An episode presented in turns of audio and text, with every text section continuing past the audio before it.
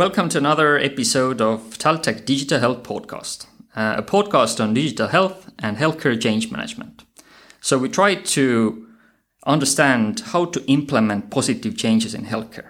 We take a look at the system level, the organization level, and the person level. We talk about innovation, science, management in healthcare, and we talk to business leaders, uh, specialists, policymakers, doctors, nurses, practitioners, and everyone related to this interdisciplinary field. And one of the reasons of this podcast is that lots is happening in healthcare. There's there's more happening than we can discuss and think about and maybe sometimes we are missing a vision or an action plan to put this all together. So we help to fill this gap with this podcast and discuss with people who do a lot of things. So I want to welcome Ain Aaviksoo, uh, who has been in the healthcare sector for two decades now, uh, doing innovations, being in public sector, private sector, in a think tank, uh, starting startups, uh, consulting governments. Uh, hello, Ain. Hello, Priit. Uh, I really appreciate this opportunity to be here. If you look at your background and your experiences, what has been the most impactful job or task that you have do- done so far? Well, um, as you mentioned in your intro, um, healthcare is multidimensional. So that uh, you know, I, I, certainly value impact that uh, many of the activities have had uh, to myself.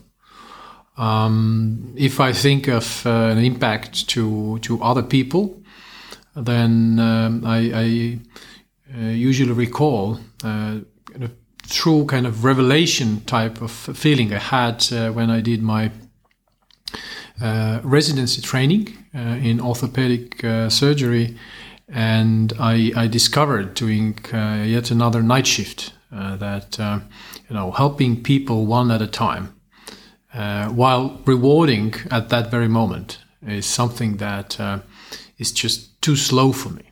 So the reason why I moved away from everyday clinical practice and started to work uh, in different roles, um, still in healthcare, but uh, uh, having an impact on many people, um, is um, um part of the uh, each and every activity that I've that I've been involved in.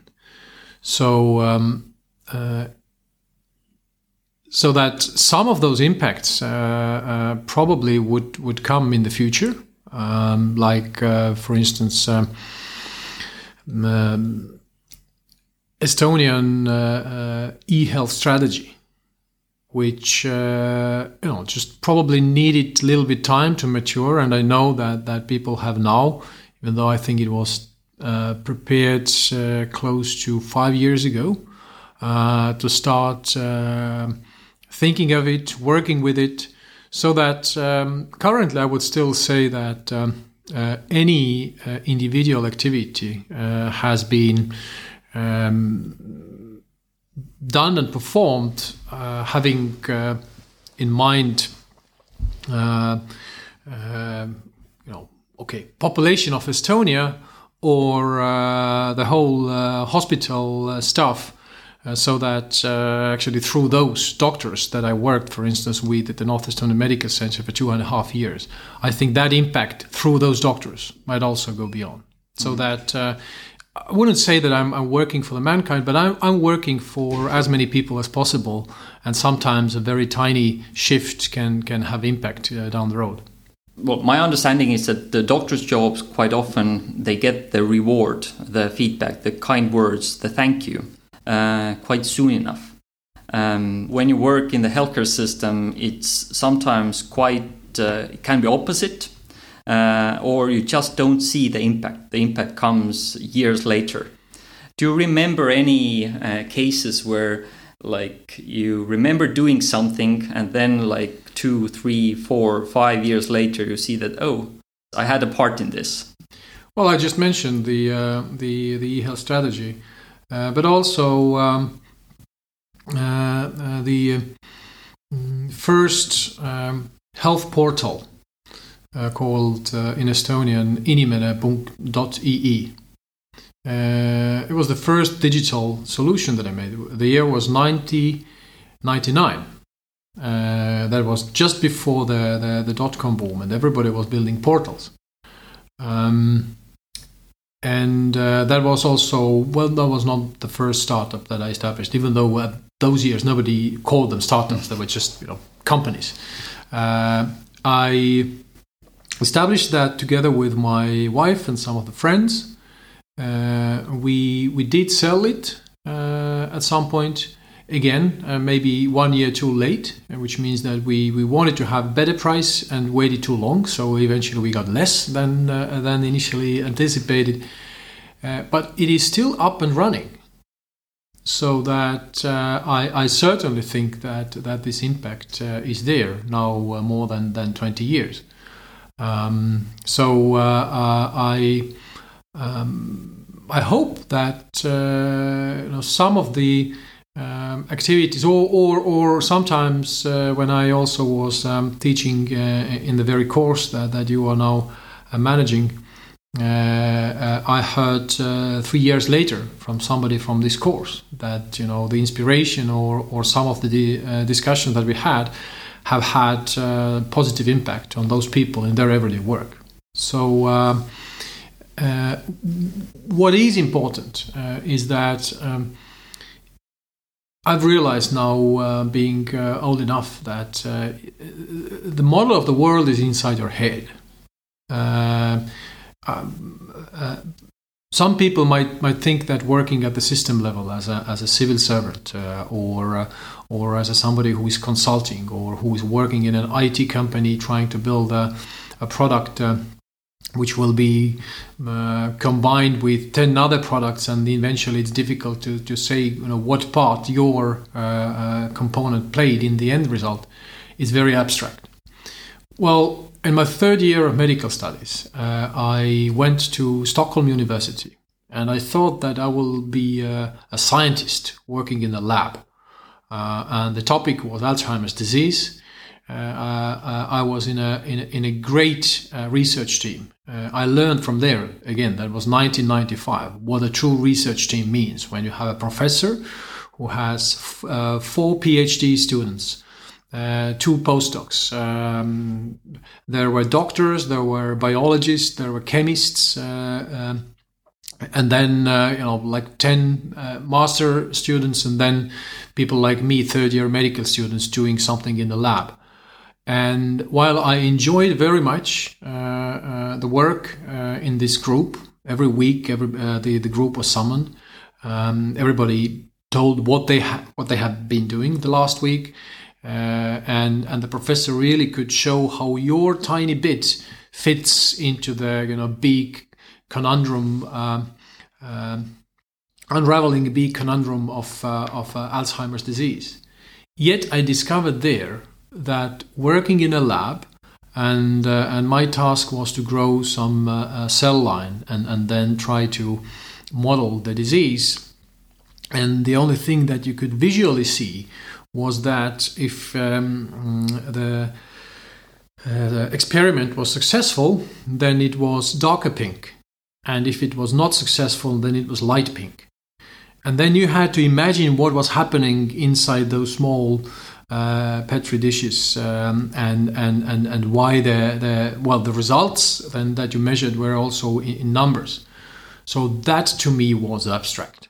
So and and i think there are many people who uh, uh, you know rightfully fully enjoy and they, they they like being in there. And for them this is the most practical thing what you can imagine so that whatever uh, you do and that is also when i hire people uh, i my my first question is what do you like to do? Because i believe people will do uh, perform well only if they do what they like. And if they don't do what they like then either they should change their their position or uh, uh, yeah take some time and find a place where you can enjoy what you're doing it's good that you mentioned the, the team experience 25 years back in the scientific lab and also like uh, um, the approach how, how you hire. What else have you taken with you from the different teams that you have been in or which you have managed, what is the team practice that uh, you're using uh, till today, or what, what has been the biggest learning point uh, from some very different teams? Right. So um, I'm a rebel, uh, which means that, uh, and I'm I'm also uh, too impatient and and that is uh, something that I really learned in a hard way and, and not not in the beginning. Um, the teams that I I enjoy being is where there is a um, spirit that if somebody um, presents a, new task or a, or, or, a challenge or uh, um, mm, project uh, from a customer then there is a uh, um, there, there are many people who raise their hand and say we, we would like to be part of this or, or, they start offering solutions to that as compared to the situation which i absolutely dislike and hate and uh, depending on my role uh, behave either i walk away or, or, or, try to get people uh, to get their act together is when people start uh, explaining why this specific problem or the project is not for them. So that their task uh, list is, is something different or, or, or, they don't have anything to offer. So, um, uh, and um, um, yes, I've, I've, I've worked in the public sector and I must say that I, I know there are pockets of excellence, um, but um, too often uh, I felt uh, the, that I, I, was trying to persuade people. By do often, I mean, say, 80% of the time, why we should do things.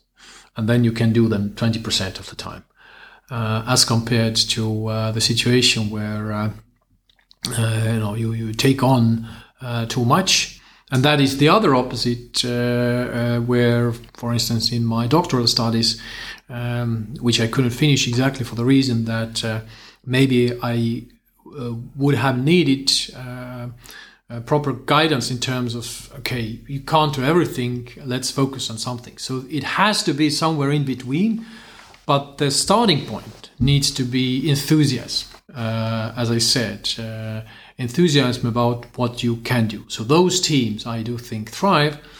But yes, uh, there are limits on every person's abilities. So uh, some good management of these how teams you, is also needed. How do you uh, how do you find enthusiasm? like uh, how do you uh, uh, bring enthusiasm in, in the team? Can can a team leader, a team manager? um, induce or um, or like just put enthusiasm there or what what's what's need to be there in the organization to have this this kind of spirit that you're describing purpose and story so you you need to have a, a, a understanding where you go uh, there is a General McChrystal's book about uh, the, the modern management. Uh, you know, like he, he was a general uh, leading the uh, uh, Iraqi operations, um, and uh, from there, he brought actually the lesson which is very much applicable in the modern world, which means that the context is changing so rapidly and the change is happening in so many dimensions at the same time that hierarchical management is just not possible. It's just too slow, which means that uh, what you need first is, is full awareness, so 100% of information. And then uh, of course, not everybody can you know be involved in everything. So the decision making has to be decentralized uh, in some cases, but in some cases, you know, the uh, somebody who takes the responsibility also uh, decides, okay, now now we go in that direction. Uh, and but this is possible if the uh, the group believes that whatever is this decision, they understand why this is being made so and they also uh, are in common agreement okay where do we want to go uh, with this uh, well our individual actions and then this uh, this may be a kind of superior or or, or kind of leaders' decision. Uh, there are decisions that that have to be made by by leaders, and so that is the the the purpose thing, and the story means increasingly so that you know I want to be a millionaire um, isn't going to inspire most of the people, which means that that, that there has to be also. Uh, uh, uh, I don't. I don't think that that you know saving all the poor children in the world uh, is something that each company should have uh, in their in their motto just because everyone else has that. But something uh, which which uh, has also a kind of emotion in it in this goal. And if the leader is capable of conveying that uh, then come all the kind of practical things. So you need to have resources and, and, and all that.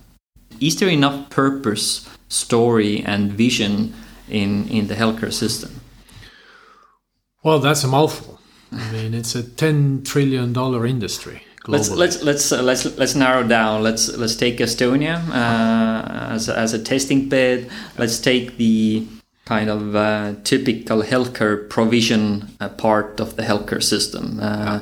hospitals. Right. So um, it varies a lot. Uh, when I was invited to North Estonian Medical Center, now it was close to six years ago.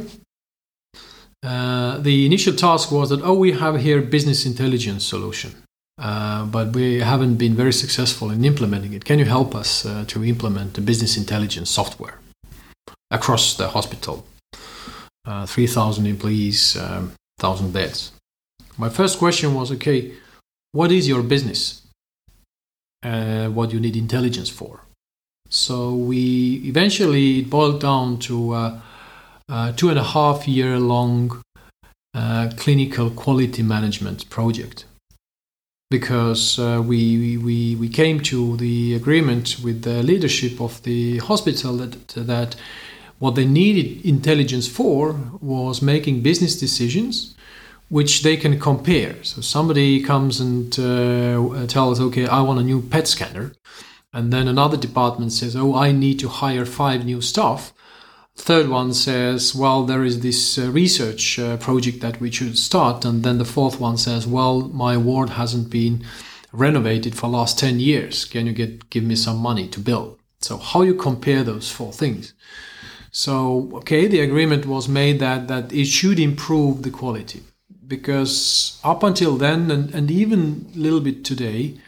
Um, being big has been the ambition of, of, of many hospitals. Uh, and I wouldn't you know, blame the, the managers there. I think we could have a, a, a, another podcast on, on what, what are the kind of drivers of healthcare, why uh, organizations uh, behave the way uh, they do, not because they're evil, but, but because it's, it's kind of the context that they put into.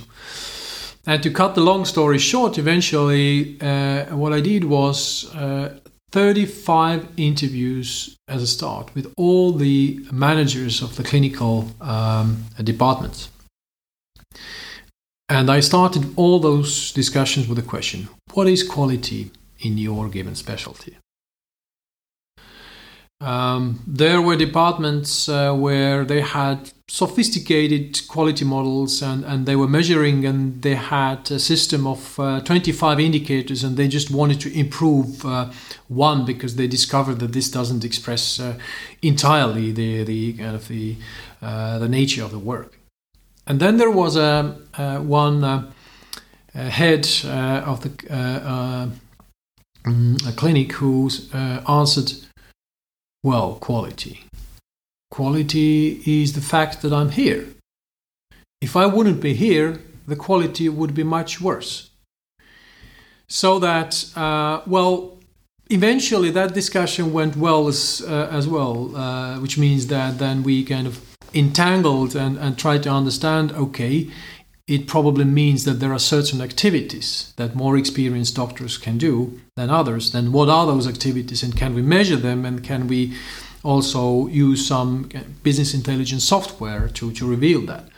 but this understanding uh, of uh, what is the purpose, uh, apart from just being, uh, varies. I was lucky to work in um, think tank praxis with you for five years. What I what I really liked about this um, environment was that the purpose, the discussion about the purpose is always there. First you, then Annika Uudelepp were heading the um, mm, the think tank, and there was always a talk about impact. There was constant talk about uh, what should be done better, and and the goals what uh, what were always put, what every team member actually put to themselves were were much bigger than they, they were than than they actually had the impact for. Uh, and and the organization kind of um, I think uh, dried based on this quite a lot. And and this uh, I remember this was a was a good example in startups this uh, searching for focus and searching for meaning and searching for purpose is really much part of it all and uh, and in healthcare environments those examples that you pr- provided is that quite often the purpose is really different at the organizational level. At the same time, um, all healthcare is about purpose also.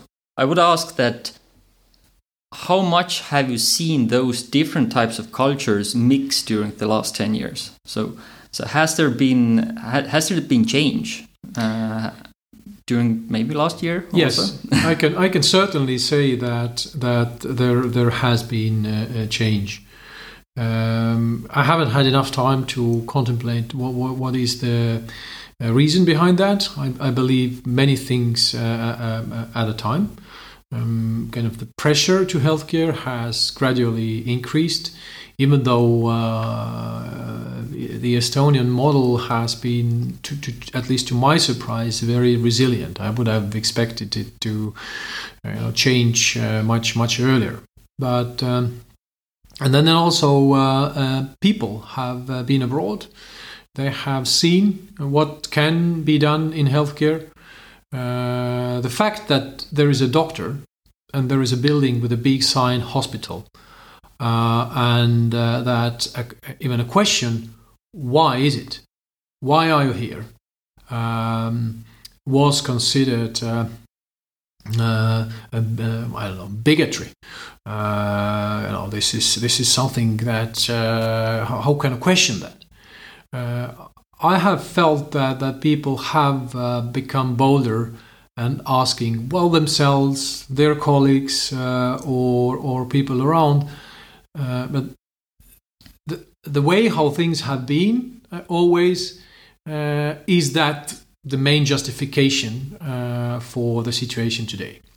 Uh, but yes, probably I would say that this change has more come from individuals rather than I would I would uh, say that there has been one single institution who has been leading the the, the innovation or the or the change.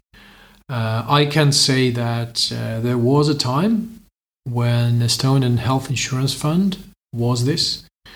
Uh, but that was also because uh, there was a lucky moment where where they were in the beginning of this century, where they were given a new role, uh, single payer across the whole country. The whole legal framework was changed at the same time. Most of the laws were uh, either passed or uh, uh, went into force around 2002, 2003 and then you had this opportunity uh, to just mold uh, the new world order, if you will. Uh, and of course, uh, money was uh, a very powerful uh, motivation lever.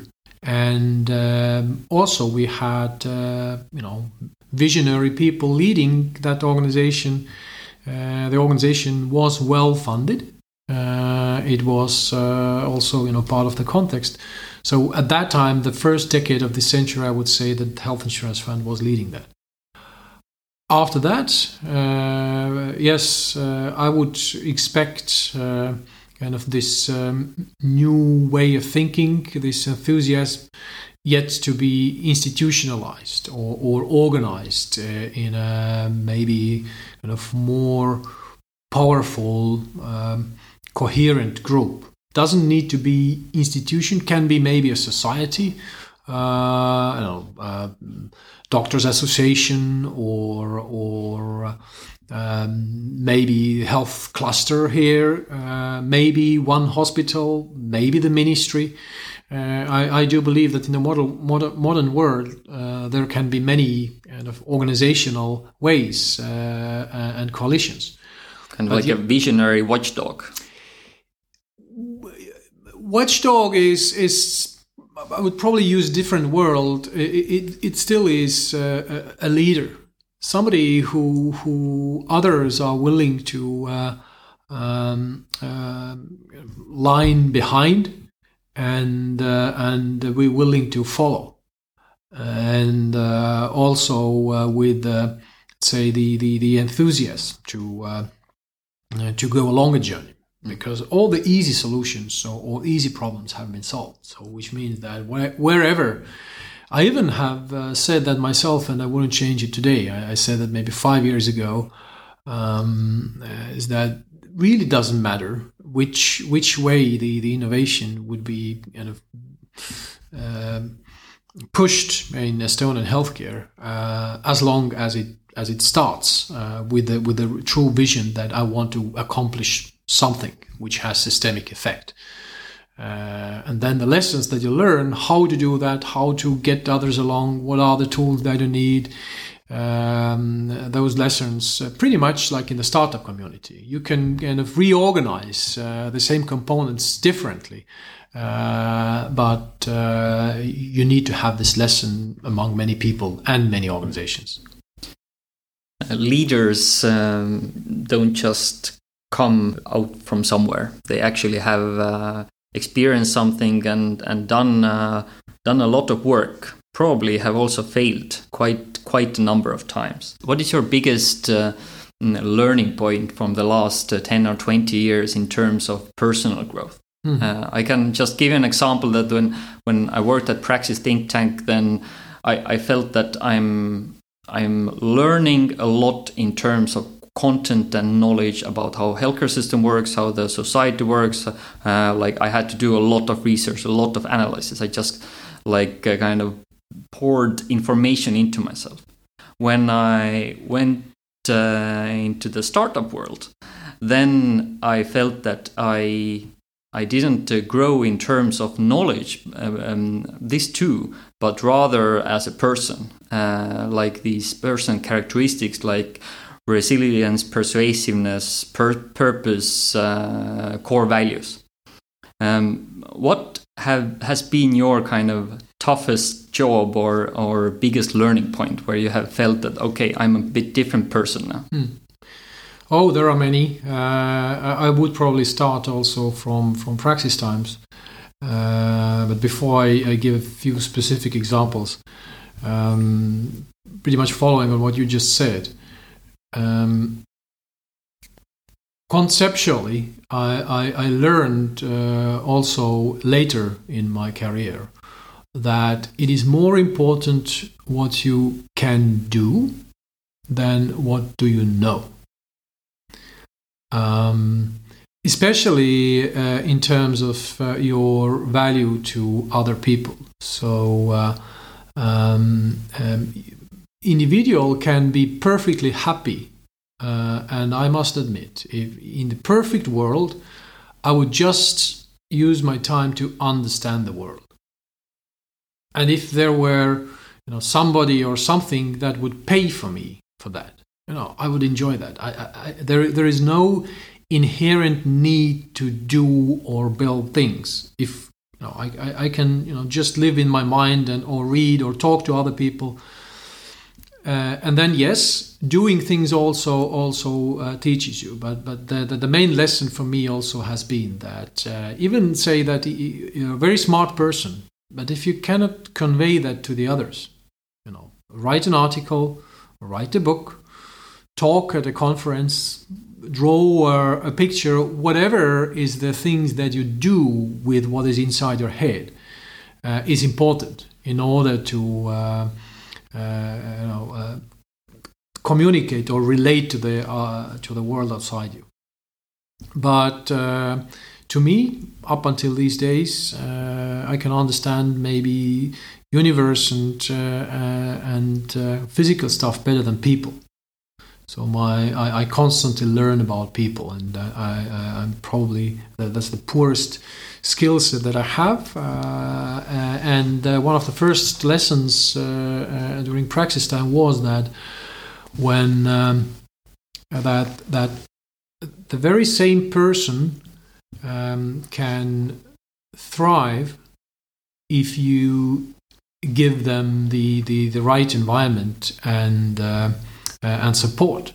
So that my kind of basic core philosophy is that you know if there is a problem, you throw it at the person uh, or you throw the person you know into the uh, into the water and if they swim well they're good and if, if, if not uh, well they probably should get just a different kind of task. Uh, and um, yeah there, there was a, a person where I sort of uh, had had given up, uh, and I thought, well, probably um, uh, the, the, the tasks uh, and and the role uh, that uh, we were planning and and the person also was you know willing to take are just not fit for that for um, for the person. Um, I was unhappy, the person was unhappy, and then we, we had a discussion at Praxis and we handed over, and then another person started to coach. And six months later, the very same person performed perfect in, in, in, in the job uh, that uh, included also leadership and, uh, and uh, you know, managerial tasks. So, and that is, that is how, I, how I understood that um, um, for the very same task, uh, different people uh, need different kind of, of support and, uh, and, and, and coaching and then well um, having in your skill set uh, tools needs to you need to have many many skill sets so then all the leadership books that tell oh this is this is the way how you should manage uh, usually are the reflection of uh, you know one person's experience, um, uh, and uh, most probably uh, the same tools won't work in every context and for every person. Uh, but they are certainly interesting uh, to learn and, and, and understand. Um, well, the infamous, oh, I now forgot the Jack Welch GE leadership or, or the management principle that you promote 10% and you uh, sack each uh, quarter or 10% of the poorest performance. In certain period of time, uh, it worked very well, but G is not, uh, uh, you know, the, anymore the uh, the most valuable company in the world. So that um, you need to know when and how to to address people and that is something that I, I, that I've learned, and I've also learned my my limitations, which means using the same example. If if I understand that the that the toolset that I have wouldn't work in this case, I acknowledge that, and then I try to find um, somebody or something uh, outside of myself still to help. Uh, you know the uh, the person to, to accomplish if, if that is possible yeah learning learning from people or working with people uh, definitely the the core thing there and uh, and and uh, this you remember quite a lot. If you talk about startups uh, barriers or like innovation barriers in, in in healthcare or outside then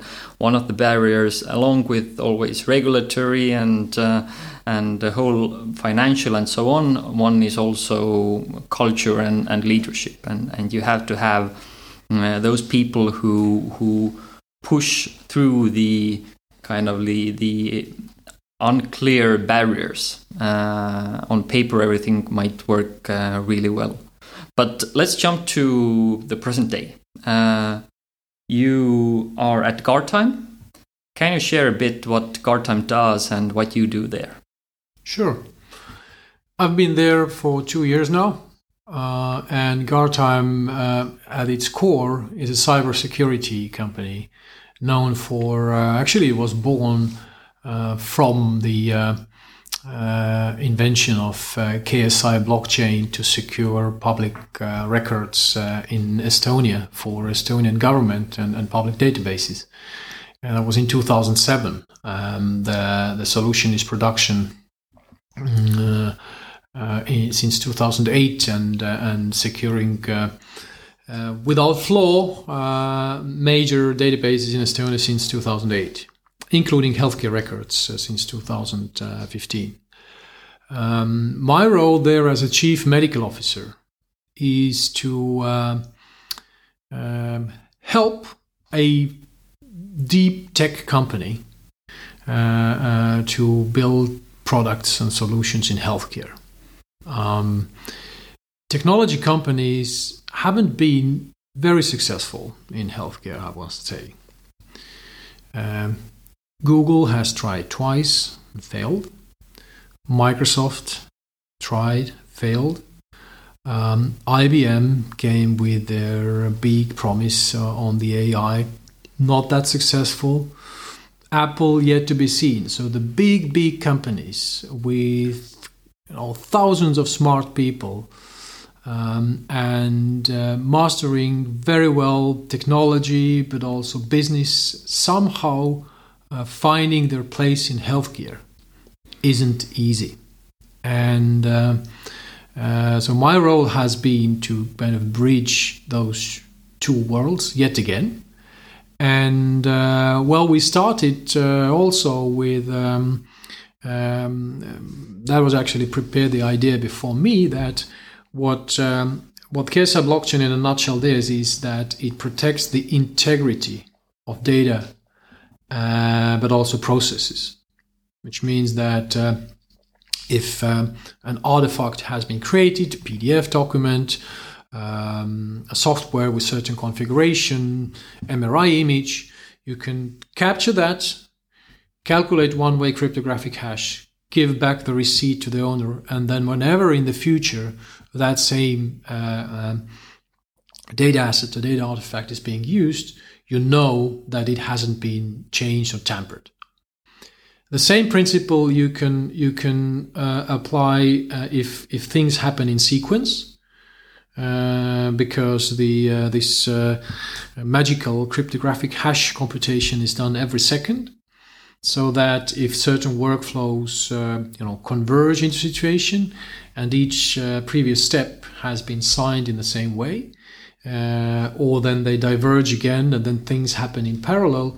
So you can build the genealogy or or chain of custody, or there are different terms to use that, but you can basically uh, know how this information or the end result came to be. And that is obviously very important in healthcare. I mean, how do you, uh, let's let's let's try to go deep in the technology first. So the blockchain itself. Right.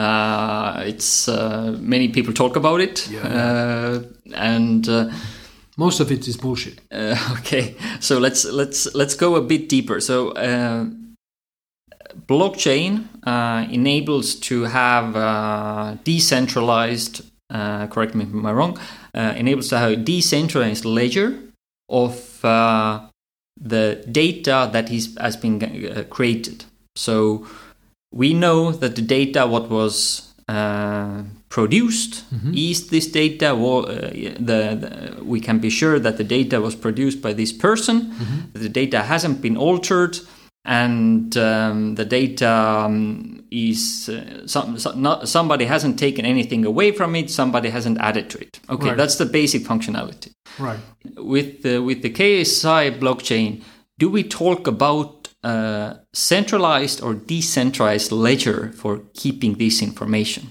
meaning that uh, is the information about the integrity of the information in all the parts where this information is to- uh, stored, or is it centrally uh, stored? Uh, uh, any blockchain, by definition, is decentralized, and that applies also to KSI. Now, um, what is different about about KSI blockchain is uh, that it is uh, um, private permissioned as compared to Bitcoin, which is public permissionless.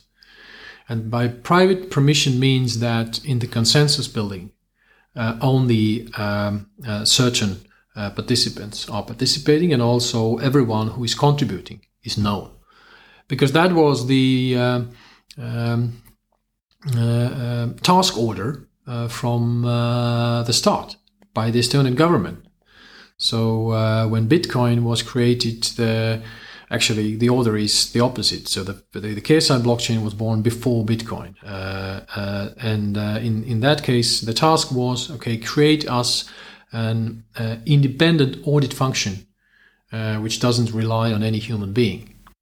But at the same time, the the participants in the system are to be known. I mean, there are there are not anonymous participants in in healthcare system or or in I don't know court system or or anywhere else.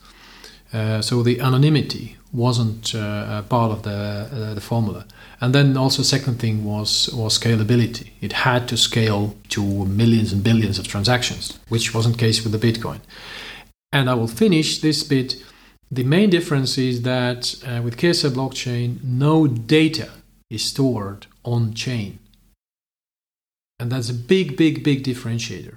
First, for the privacy reasons, I mean, if you get something on a blockchain, you can't get it out. So, you know, if you put health data on blockchain, it is not GDPR compliant. And I, I, I strongly advise not to put any data on blockchain because that's a stupid idea. The, the second thing is that uh, you can cloak uh, the uh, the blockchain with with a few minutes if you add uh, your hospital MRI, MRI and picture yeah. scans in there. Uh, so, um, which also means that uh, in that case, you're not using blockchain as a transport function. So, keeping data on chain means that all the data is available to all those distributed participants. And that is where comes this confusion that, oh, it's only blockchain if I can access the same data from the same blockchain. Mm-hmm. And, and I believe that in Estonia, we have been successful in using each technology, what is it best, uh, uh, whether it's best fit for, for, which means that transport, secure transportation does not require blockchain. For secure transportation, we in Estonia are using X-Road. And there are many other protocols that you can use. So, um, so that is uh, uh, if, if, somebody ta- starts talking about what is decentralized and what is not, there is consensus building, and then there is also storage, and then there is transport. Uh, and um, and KSI blockchain solves which one of those? Uh, uh, we we solve the uh, the only fact that you just make the data kind of frozen in, in a time by an entity and and that is that is that is all we do. Uh, if you want to uh, ship that data somewhere else, you need something else, and and also, but but the consensus building is is distributed, uh, and yes, the uh, uh, the owner of that infrastructure, legally speaking, mm-hmm. is Guardtime. But uh, what the KSI blockchain adds as a trust anchor, so the the, the, the public blockchains work on the premise that there is nobody who can own more than 50% of the uh, resources or the nodes. Mm-hmm. And there have been you know, occasions uh, in some of the, the, blockchain solutions where this has been achieved. And, and uh, that is why this uh, crazy uh, energy inefficient computation is needed so that it would be extremely costly to buy your voting right in, in the consensus building. Uh, does differently. So we use the same solution as Galileo Galilei, which is that if you put out for everyone to see in the world, what we call is the is, is the root hash every now and then. You cannot change that. It's published in New York Times, uh, sorry, Financial Times, uh, now on, on Twitter, and uh, also uh, a few Estonian newspapers. So this is called widely witnessed evidence. And that is the trust anchor. Um, so that represents all the um, um, mm, so, so components that... of uh, uh, uh, those um, which are kept also all the components of the blocks which are also kept in the blockchain. Uh, but even even Guardtime, if it wanted, cannot change that. And if Guardtime ceases to exist, and and the electricity ceases to exist, you can still take this paper and calculate mathematically. You can verify every single um, uh, verification uh, signature that Guardtime technology has been given uh, on pencil and paper because the mathematics behind that has been published in peer-reviewed journals. I probably wouldn't be able to do that, but if I would, you know, find a mathematician, cryptographer, they would be able to do that. So that is the difference. That you don't you don't need this huge computational power and distribute everything because you distribute uh, the hash uh, in a in a newspaper. I'm glad we sorted this out. Next, next time, probably we need a video cast and uh, and give, gonna give you a pen and paper and to, to describe it to the uh, listeners and watchers. But um, um, I under, understand that that uh, mathematics and uh, guidelines uh, can be used to keep data secure. Mm -hmm. and uh, figuring this out uh, is um, is the job of you, Guardtime, and and other security specialists. Yeah. but is it is it easy to implement such services, or how easy it has been for you to find? This kind of angle because if you go to a hospital uh, with this uh, description of blockchain then probably it's hard to get there like a response uh, really quickly. Oh yeah. Uh, there are there are two responses that you usually get. There are people who say i always wanted to use blockchain but i don't know what you can do with this. Tell me. Uh, or then there are people oh this blockchain thing is is all bs now um, mm, it has been very difficult and the main reason is it's similar than Estonians trying to explain the rest of the world why these digital services that we're using uh, are so cool. Because if you haven't experienced it, you cannot possibly think how you can make kind of uh, useful to you. You, you. you tell people, oh, you can do things differently. Well, I know how I'm doing things today, uh, I don't know what that different looks like, which means that, that there is inherent risk, and, and then there are people who are you know benefiting from doing the things in their own way. Uh, it is uh, something that every technology company has to uh, uh, face, which is uh, it's not the technological problem, never is. It is an organizational. In healthcare, very often the one who with the pain doesn't have the money, so that if you go and oh i have a great solution for you that's great but you know tell the other guys who are paying for this. Uh, and then the, the, payers need to understand that, that your uh, painkiller uh, uh, is, is better than, than, than anyone else's. Uh, so selling to the system is what we call it that, that you need to have usually if not always more than uh, two sides uh, coming together and, um, and, and also in the commercial sense agreeing that okay this is the right way to do.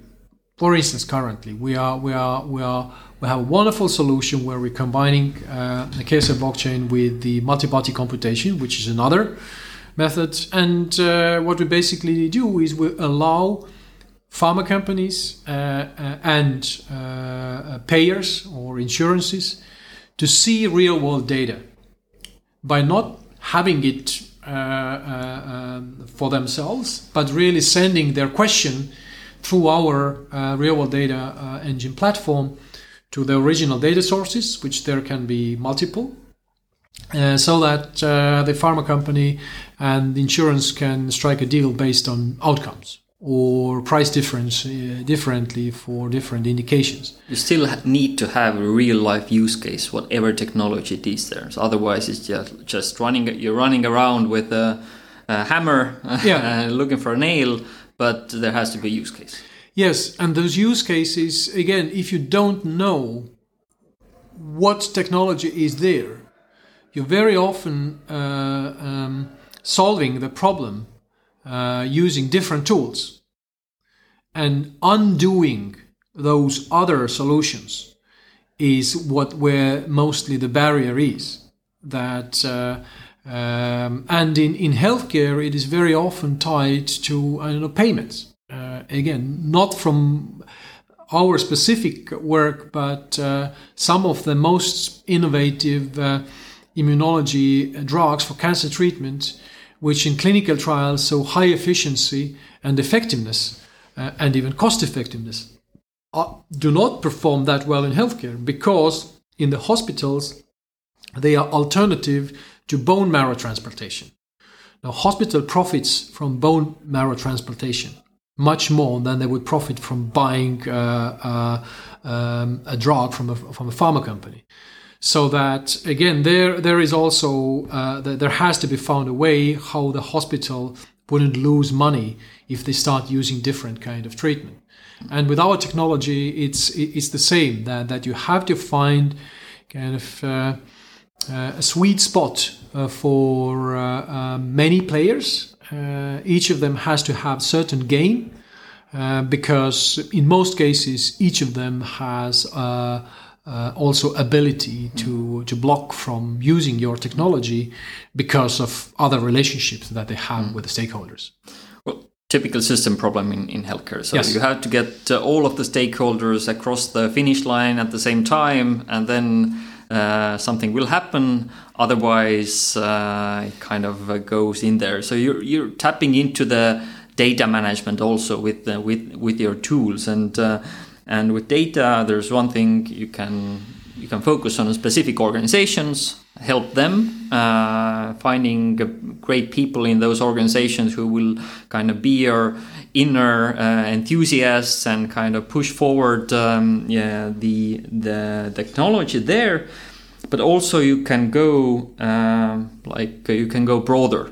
You can you can uh, implement the experience in in different uh, cross border uh, uh, like uh, tools and, and technologies. And, the, and one of those which I would like to point out, or like which I, maybe you can share a little bit uh, about, is a really acute uh, topic, which is uh, Corona and uh, vaccine. I understand that you have been part of a consortium that is working on developing vaccination passport, which could be used uh, across the world. Right now, we have this yellow booklet in each country. It's separate.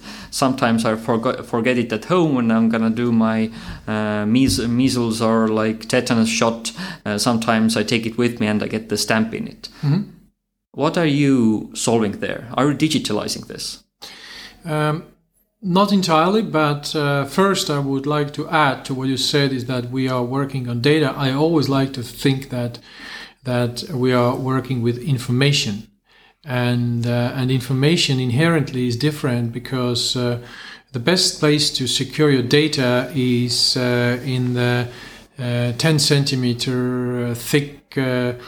Um, iron cask which you bury under the concrete and then the data is secure and safe. But it's useless. So that data is always in the move. So um, another topic to uh, to discuss at some point is that well, the problem with the GDPR is that, that it looks at the data rather than the information. Now, what we are doing also uh, uh, with the uh, uh, COVID uh, 19 vaccination uh, but not only vaccination, we are currently working now COVID 19 certificates in a broader sense. The same uh, uh, problem is with uh, test certificates. So if somebody shows up at the border and tells, okay, I am COVID negative, uh, or I have been um, in the future um, vaccinated against COVID 19, how can you be certain that this is true? So that uh, we are we are solving the the problem of uh, um, uh, trust and uh, in, addition or, or uh, different from uh, there was this nice tagline that I forgot but anyhow instead of trust we are providing truth. And and that is the problem we are we're solving. Now if you add there a privacy concern as well. Uh, so you, you need to combine those those two things together. Um, and uh, and and the to understand the the integrity and confidentiality they are actually on two opposite sides. So if there is a crime uh, um, if the crime has happened the more witnesses you have the uh, the better is the integrity which means that you know for certain what happened there but then also uh, it's uh, um, uh, the, the confidentiality is least protected so you have to have a combination whereby you know for sure, but just enough and uh, and only uh, by those people who, who need to know so that you don't breach the, the, the privacy uh, and co- confidentiality problem. How to make it across Europe? Yes, so uh, actually, our our uh, uh, first solution is very simple. that's another thing that I learned from technology company and and that you sometimes forget when you work in the state uh, or as a public servant. So try to take simple problems and uh, solve from there. So the simple problem is that uh, when this certificate is issued, currently it's also issued. You go to SynLab and you get a you get a uh, um, certificate. Um, now, well, that wouldn't be very difficult to issue you also digitally. So we add there independent um, authenticity verification uh, seal with QR code. And, and that is also then linked to the KSI blockchain, which means that once it's there, you cannot change. You can't change the information on the uh, your certificate because otherwise it won't match the, the QR code. And if you change anything in the QR code, it won't match uh, the KSI blockchain that uh, is part of uh, uh, this QR code. Uh, but we don't change two things. First, we don't change the fact that if you as an individual present that at the border or, or, or anywhere as a pass, uh, then you kind of consent the other side to see this information. So that uh, if there are rules that you have to demonstrate that you are COVID negative or that you have been vaccinated, all the discussion, oh, uh, is it is this privacy protected if you send that information to them? I mean, that's another question. If the border guard reads that you you are COVID negative, do they have to forget it as an individuals? If they have this information in their in their IT systems, do they have to clean it? So that is not our problem. We just we just help them match the gap. That if the border guard sees the certificate, they know they can trust it. And then another thing that we do not uh, solve, at least with the first version, is that if the certificate says Ain Aaviksoo COVID negative, so how do they know that that this uh, this uh, certificate is actually applies to Ain Aaviksoo? So for that, again, we take the same situation as it is today. So if there was a a clinic like I don't know, Heba Clinic uh, that issued this certificate, the clinic has to verify my identity anyway mm. if they do this test because they can't do the test to another person.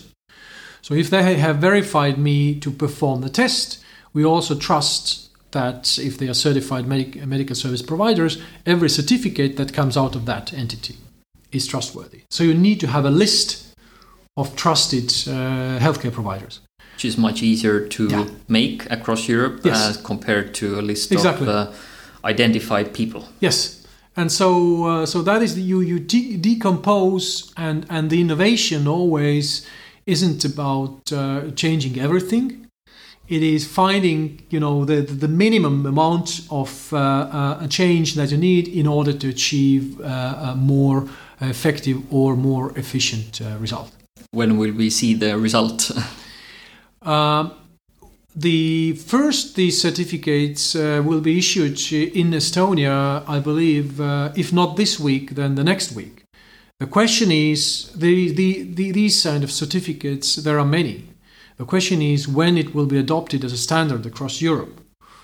Now, for that, we are currently actively talking with the um, governments uh, uh, in European uh, Union. We are talking with the European Commission people.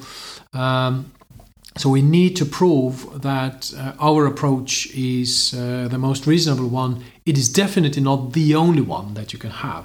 Uh, main differentiator we believe is the speed. Uh, it, it really is, as I explained, extremely easy to, to implement, and Europe could be out of lockdown in, I would say, in six months' time.